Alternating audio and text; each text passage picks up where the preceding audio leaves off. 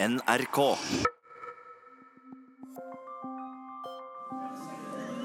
The eyes to the right, 202. The nose to the left, 432. So the nose have it, the nose have it. Unlock! Et nei runga gjennom det britiske underhuset denne uka. Og stikkordene nei og EU de vekker sterke og dramatiske minner for oss som er født i EF-stridens 1972, Tore, og som var studenter i EU-kampens 1994. Men nå er jo ikke vi så unge lenger. Og nå er det mer enn én million mennesker i Norge som slett ikke husker noen norsk EU-debatt. Er de bekymra for europeiske krisetilstander med brexit? Vi skal be generasjon EØS vise oss veien videre. Krig og fred med Tore Moland og Tove Bjørgaas. Order! Order! Det er litt sånn eh, dommedagsstemning. Er, er det grunn til å være redd? Hvis vi har litt tiltro til våre liberale demokratier og våre relativt utvikla vesteuropeiske stater, så skulle jeg tro at noen akopalypse blir det neppe. Så litt framtidstro er det der i forhold til at jeg tror ikke nødvendigvis det blir. Det blir ikke, det blir ikke verdig en sånn eh, apokalyptisk Netflix-serie, det her. Jeg heter Øyvind Svendsen. Jeg er doktorgradsstipendiat i statsvitenskap ved Universitetet i København og er tilknyttet NUPI her i Oslo. Og når er du født? Jeg er født i 1990. Og du Øyvind, du skriver faktisk doktorgradsavhandling om brexit. Mhm. Og Jeg skriver om brexit og hva brexit gjør med europeisk sikkerhetspolitikk. Hvordan man tenker om samarbeid i Europa etter brexit. Jeg tenker Som, eh, som representant for, for EØS-generasjonen, de, de unge, så tenker jeg at vi, vi har litt sånn avslappa forhold til ting, kanskje. Og brexit er jo også litt som EØS, litt kjedelig. fordi det, det er jo bare forhandlinger og daglig drift av politikk som foregår i parlamenter rundt omkring. Så, så det fremstår kanskje ikke sånn. Jeg tror eh, den britiske sentralbanken f.eks. sier jo hvis de går ut uten avtale 29.3, en såkalt hard brexit, så vil det få eh, ganske raske, umiddelbare konsekvenser for britisk økonomi. De vil antageligvis gå inn i en resesjon, pundet vil falle. Og de type tingene de vil jo få ringvirkninger inn, ned, helt ned i arbeidsstokken. Så her vil vi kunne ikke sant, Argumentet for brexit er f.eks. å styrke helsevesenet i Storbritannia. Det er vanskelig å se for seg at i hvert fall på kort sikt at å gå ut uten en avtale er noen god idé. og at I så måte kan man si at det er en krise dersom de går ut. da jeg var ung og gikk på, på Blindern, så, så var det jo EU-avstemningen i 1994 veldig mye handlet om. Og folk var redde for hva som skulle skje hvis vi ikke ble med, og noen var veldig redde for hva som skje, skulle skje hvis vi ble med. Og den kvelden da vi stemte nei, så føltes det veldig dramatisk for, for mange av oss. eh, Toget til Europa gikk nå, og annerledesland Norge skulle bli stående utenfor. Hva tenker du når du hører om sånne ting? Jeg tenker at jeg syns det er litt kult. Fordi at eh, vi har ikke. Nå jobber jeg med Europa, da, så jeg forsker i Europa, syns Europa er spennende som sådan. Men det er jo litt kult. altså Dette er jo viktige politiske saker. Og, og, og EØS og EU-tilknytningen den, den, løper jo i Norge, men den løper liksom fra sak til sak, og, og det er oppe nå og da. Og, og, Senterpartiet fremmer det innimellom. Men det blir aldri en sånn, sånn eksistensiell del av debatten, en følelsesladet del av debatten på den måten. Så det, jeg, jeg blir jo litt uh, nysgjerrig på hvordan det var. da. Jeg, tenke, jeg syns det hadde vært spennende å ha en europadebatt i Norge igjen. Jeg er ikke noe glad for resultatet. Jeg er skuffet over at det ble et nei. It was the best of times, it was the worst of times. It was the age of wisdom, it was the age of foolishness. We were all going direct to heaven, we were all going direct the other way. Jeg heter Stein Hernes, jeg er 47 år gammel. Det betyr at jeg var 22 i 1994 da Norge stemte over EU. Jeg studerte statsvitenskap her på Universitetet i Oslo, som vi er, og har siden jobbet bl.a. på Stortinget eh, ved statsministerens kontor, og nå fikk så lenge siden i Nato for Jens Stoltenberg. Nå sitter vi her i SV-bygget på Blindern. Her gikk vi begge tidlig på 90-tallet. Hva er det sterkeste minnet du får når du sitter akkurat her? Da jeg begynte på Blindern, så satt man her og eh, drakk kaffe. Man røykte, man diskuterte EU. Eh, og den røyken den ser vi jo selvfølgelig ut overalt. Altså, det, det, det var eh, skal si, mye mindre solidarisk enn det var å røyke på et fly, som man også gjorde på det tidspunktet. Alle røykte, liksom? Alle røykte. Absolutt alle. Men da satte de opp en sånn glassvegg mellom ikke-røykekantina og uh, røykekantina. Og da husker jeg vi måtte gå rundt. altså Vi måtte gå ut av kantina, ut på plassen foran der og så inn. Og det var altså det, det ble opplevd som et sånt brudd på vår, eh, vår frihet. Og da husker jeg jeg og noen venner vi hang opp en plakat eh, inspirert av, fra den kalde krigen hvor det sto 'Tear down this wall'. Røykere er også mennesker. Eh, så jeg skal si, det, er ikke, det er ikke et av mine stolteste øyeblikk i min eh, politiske aktivisme.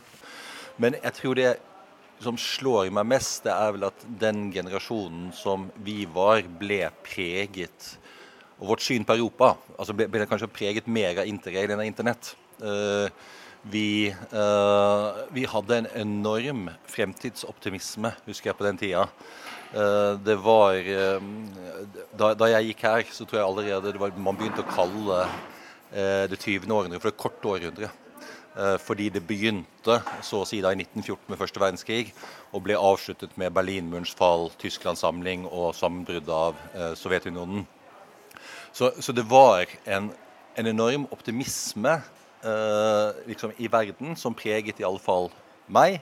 Eh, samtidig som det var en ganske sånn knallhard debatt her om hva, om hva Norge skulle velge. Hva var det dere gjorde i den valgkampen? Hva, hva var det viktigste tingene? Hva husker du? Um, nei, altså Det som var liksom sånn definerende tror jeg, for enhver ungdomspolitiker, uh, og som også tror jeg liksom borer seg ganske hardt inn i, i hvert skinn som var der, det er jo disse, disse skoledebattene. Uh, og det er jo til tider en veldig, veldig ubehagelig opplevelse, for du møter jo en vegg av buing og og, og, misnøye. I hvert fall hvis du på en måte var i mange av de skolene hvor hva skal vi si, resultatet ble De, de, de dundret ganske kraftig løs og, og kunne liksom få 80-20 i nei-sidens favør og sånn. Men jeg, jeg, husker jo at jeg var med en veldig god venn av meg uh, som møtte uh, daværende AUF-leder Trond Giske i debatt. Og så da sier Trond Giske holder opp Maastricht-etaten. I den boka her står det ikke noe om arbeid til alle. Uh, og da svarte da min venn fra Asker det er klart ikke det står noe om arbeid til alle. Boken er ikke skrevet på trøndersk. og da var det vill jubel. Men altså, det sier skal vi si, litt om debattnivået i, i disse skoledebattene. Det er mye snakk om, eh, om eliter i, i, dag. Var det det det var? Var det kampen mellom eliten og, og, og de andre i samfunnet? Jeg følte meg på ingen måte uh, som elite da jeg reiste rundt i landet og argumenterte for et ja. Jeg opplevde meg snarere tvert imot som veldig hva skal vi si, en ungdommelig idealist. Så, så det, og eh, det var jo hva skal vi si, 48% som sa, sa ja. og Eh, det er sikkert flere definisjoner av elite enn det er mennesker i landet, men, men, men eliten kan ikke tilhøre 48 eh, Så, så, så det, var mye, det, var mye, bredere enn som så. Men det betyr ikke at ikke enkelte i eliten og store deler av eliten var for. Eh, men jeg opplevde ikke at dette var et, et eliteprosjekt. 28.11.1994. Hvordan husker du den kvelden? Jeg var på Ingeniørenes hus, som var altså det stedet hvor Eh, ja-siden hadde sin valgvake. Eh, symbolsk nok sånt, et litt imponerende steinkast fra uh, Utenriksdepartementet. Og klokka ni så får vi da den første valgdagsmålingen. Og det var en sånn knyttneve i magen. For nå da skjønte vi at liksom, dette, dette går ikke veien. Og selv om svenskene hadde sagt ja to uker før og Finn seks uker før det, så, så ville Norge da fortsette å, å stå utenfor. Og én ting er på en måte å oppleve det sukket og det drønnet som går gjennom rommet når du merker du har tapt. En annen ting er jo å se bildene av alle dem som jubler.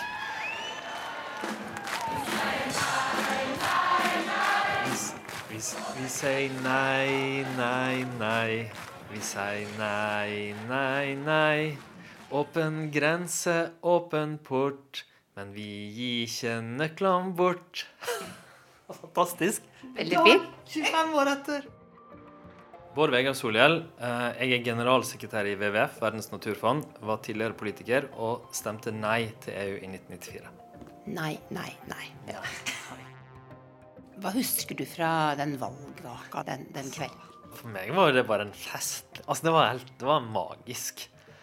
Og det var veldig sånn forsøstring eller forbrødring, eller hva man kan kalle det. Jeg husker sånn Kristin Halvorsen dansa med Johan J. Jacobsen, Senterpartipolitikeren, og alle var litt sånn Spilte liksom ingen rolle med de vanlige uenighetene og alt. Så det var, det var en sånn rusfølelse. Sikkert òg prega at jeg drakk sikkert alkohol uten at jeg kan huske det òg, men det var en liksom, seiersrusfølelse. Det husker jeg veldig sterkt. Men den du vet kanskje en enorm viktighet liksom, kan gå over i en sånn en utrolig lettelse og følelse av, av, av rus når du klarer noe. Hvorfor føltes det så dramatisk? Jeg tror at Kanskje vanskelig å forestille seg for de som er helt unge. Men debatten om EU-medlemskap i 1994 tok jo form av et slags samfunnsveivalg. Og, og handla veldig mye om veldig sterke undertoner av hva, som var, man, hva man det er litt sånn, mange debatter kan, i politikken kan være litt sånn virkemiddeldebatt. Vi har samme mål, med bare litt ulike virkemidler.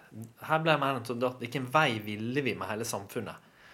Um, og det var, sånn, det var, sånn, jeg så EU-spørsmål der. Det var liksom var det, var det for miljø eller ikke miljø?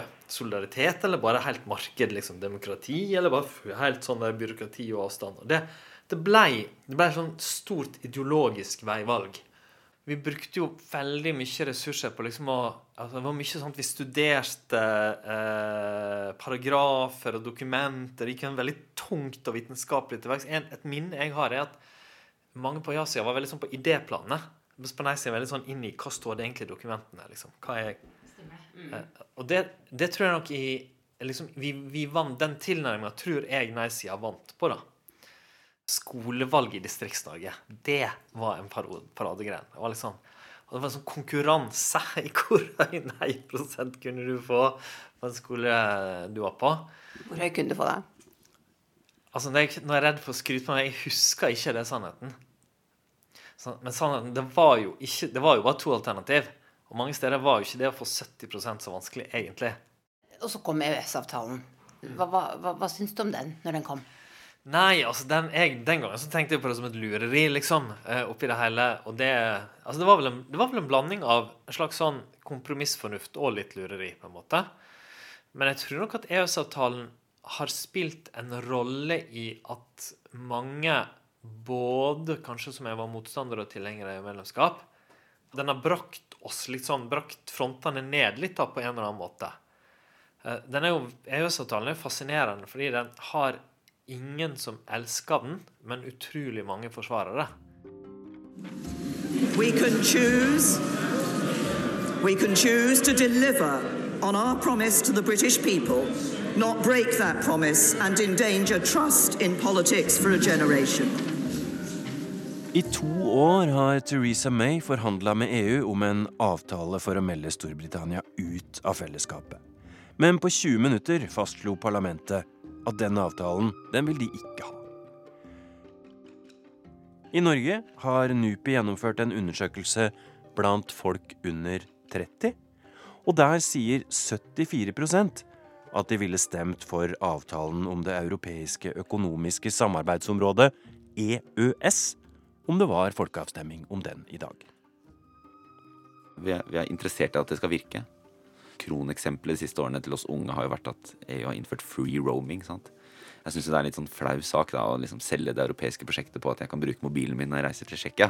Fordi at det er strengt talt Jeg kunne reist til Tsjekkia uansett, og det var ingen krise. Så jeg syns det er en liten fillesak. Men disse type tingene tror jeg er viktig for generasjonen eh, Altså 90-tallsgenerasjonen. At, at, ting virker. Eh, og så kommer liksom arbeiderrettigheter og den type ting etter hvert, da. En ting som har endret seg i Norge med EØS-avtalen, det er jo faktisk hvor mange som kommer hit fra andre land for å jobbe. Husker du en tid da det ikke var polakker og folk fra eh, de baltiske landene i Norge? Nei, absolutt ikke. Nei. Det er sånn jeg bare har hørt om. om pakistanere som går på 70-tallet og sånn. Men eh, den gradvise økningen av uh, arbeidere fra EØS-området, nei, det, det, er, det, har alltid vært en del av uh, av livet. Jeg husker min første sommerjobb var som steinlegger. Da jobbet jeg med polakker, og det var helt naturlig. Jeg tror aldri jeg tenkte over at uh, her er de pga. EØS-avtalen. Ville du motsatt deg det dersom det skulle bli vanskeligere for dem å komme hit? Ja, det ville jeg synes vært en dårlig idé. Ja. At vi skal gjøre det. Absolutt. Jeg vil også, for jeg vil også ha muligheten til å reise ut. Jeg, jeg jobber i Danmark. Syns det er veldig fint. Og hvis jeg ønsker å jobbe på et eller annet tidspunkt i Tyskland, så vil jeg gjøre det enklest mulig. Uten å få beskjed om at her hører ikke du til fordi du er norsk. Og da må jo det gå begge veier, tenker jeg. Øyvind Svendsen, du er eh, mye i Storbritannia, også nå om dagen. Når du snakker med jevnaldrende der, opplever du at de er bekymra nå, eller har de et litt avslappet forhold til EU og brexit? Nei, de unge, unge briter er veldig bekymra for brexit. eh, Og oppslutningen for brexit blant de unge er jo ganske lav. De er eh, i stor grad for å bli, bli værende i EU og være en del av det europeiske prosjektet. Fordi vi, vi er jo vi 90-tallsgenerasjonen, 89-erne, hva vi skal kalle oss, det er jo vi er jo en eh, globalisert eh, gjeng. Vi er jo vokst opp med, med en liten verden hvor vi reiser mye, og de fleste, også briter, har vært ute av landet og på et eller annet tidspunkt og har et forhold til verden rundt seg. Sånn at eh, for, for unge briter så oppleves nok dette Veldig mange unge briter, jeg snakker ikke på vegne av alle, men så oppleves nok dette som bakstreversk. Men tror du de klarer å få til en god avtale? Etter at de liksom De ramla egentlig litt inn i dette. Jeg tror, ikke, jeg tror ikke det går an å gjøre brexit på en optimal måte.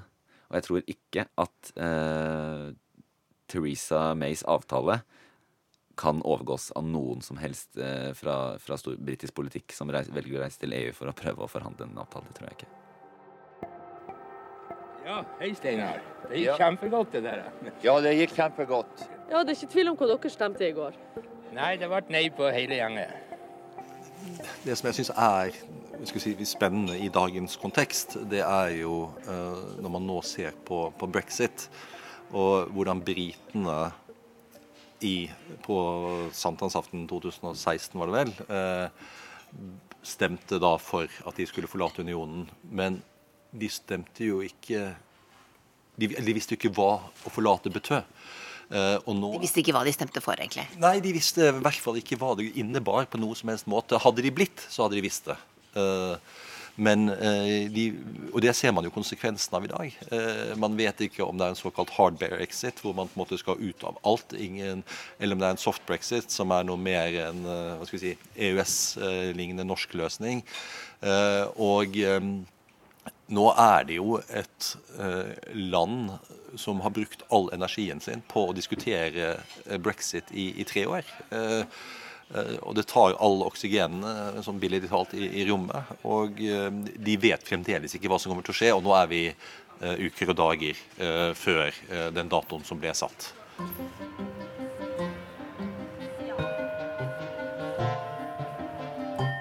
Se for deg dette scenarioet. Etter at det blir brexit, så er det også andre land i EU som ønsker å, å kvitte seg med, med avtaler. Og så blir det en debatt om EØS-avtalen en gang i framtida. Eh, noen norske politikere ønsker ikke lenger den avtalen. Det blir en, en folkeavstemning om Norges tilknytning til EU. EU. Hvordan tror du at du ville reagere på det? Jeg tror jeg ville veldig gjerne være med i den debatten. Og ha en skikkelig eh, høylytt, men informativ debatt om dette. Og så tror jeg at den debatten er nødt til å handle om altså tilknytningen til EØS. Vil, for meg så virker det naturlig at det ville vært en EU-debatt. Eh, at alternativet her er ikke å gå ut av EØS eller være i EØS, men at vi også må ha det tredje alternativet, som er å gå inn i EU. Eh, det tror jeg. Men så klart rammebetingelsene, hvis de er at stadig flere land i Europa prøver å gjøre det britene nå gjør, og at, eh, man, altså at unionen virkelig er i disintegrasjon, altså full disintegrasjonsmodus, så tipper jeg For det første så tror jeg ikke den debatten nødvendigvis kommer i Norge akkurat da. Vi pleier å være flinke til å vente på tur eh, i den type saker. Men hvis vi har den, så, så vil jeg, tror jeg vil i hvert fall hardt Jeg tror jeg, jeg, jeg liker jo det engasjementet du snakker om fra 94. Og jeg tror jeg kunne, klar, jeg kunne tenkt meg å, å være med på det på en eller annen måte. ja. Hvilken side vil du stå på? Det vet jeg faktisk ikke. Helt ærlig. Jeg vet ikke. Og det er jo litt sånn vi unge er, da. Vi, vi, vi er vokst opp med EØS, vet ikke så mye om den, syns den er grei. Men hvis, og det, jeg kan leve med den. Jeg, synes, jeg også tenker det. Jeg syns den er fin. Uh, og jeg er, jeg er opptatt av demokrati, sånn at det er så stor motstand i Norge mot den. 80, eller, altså ikke mot avtalen, men mot å være, bli medlem i EU. Uh, samtidig som jeg tror det er en dårlig idé å gå ut. Men hvis vi skulle virkelig, virkelig ta den prinsipielle store debatten inn, bli værende eller ut av EØS Nei, helt ærlig, jeg trenger den debatten jeg også gjerne ville vært en del av, tror jeg. Hvilke saker tror du den debatten ville handle om? Jeg tror den debatten ville handle om det det handla om i 94. Jeg tror det ville handla om eh, suverenitet. Jeg tror det ville handla om eh, ressursene våre. Eh, handla om fisk, og det ville handla om, eh, om landbruket vårt, og det ville handla om eh, EUs eh, u- eh, landbrukspolitikk og de store subsidiene som havner nede i de store landbruket på slettene nede i Frankrike og Tyskland. Så jeg tror jeg tror ikke den ville vært så annerledes, men jeg tror jo egentlig ikke den handler om ressurser. Jeg tror den handler om eh, by og land og identitet, og hva det betyr å være norsk. Og vi har en litt sånn rar idé om at vi er veldig spesielle. Eh, så jeg tror identitet ville vært helt sentralt i en sånn debatt også. Du har hørt podkasten Krig og fred fra NRK Urix.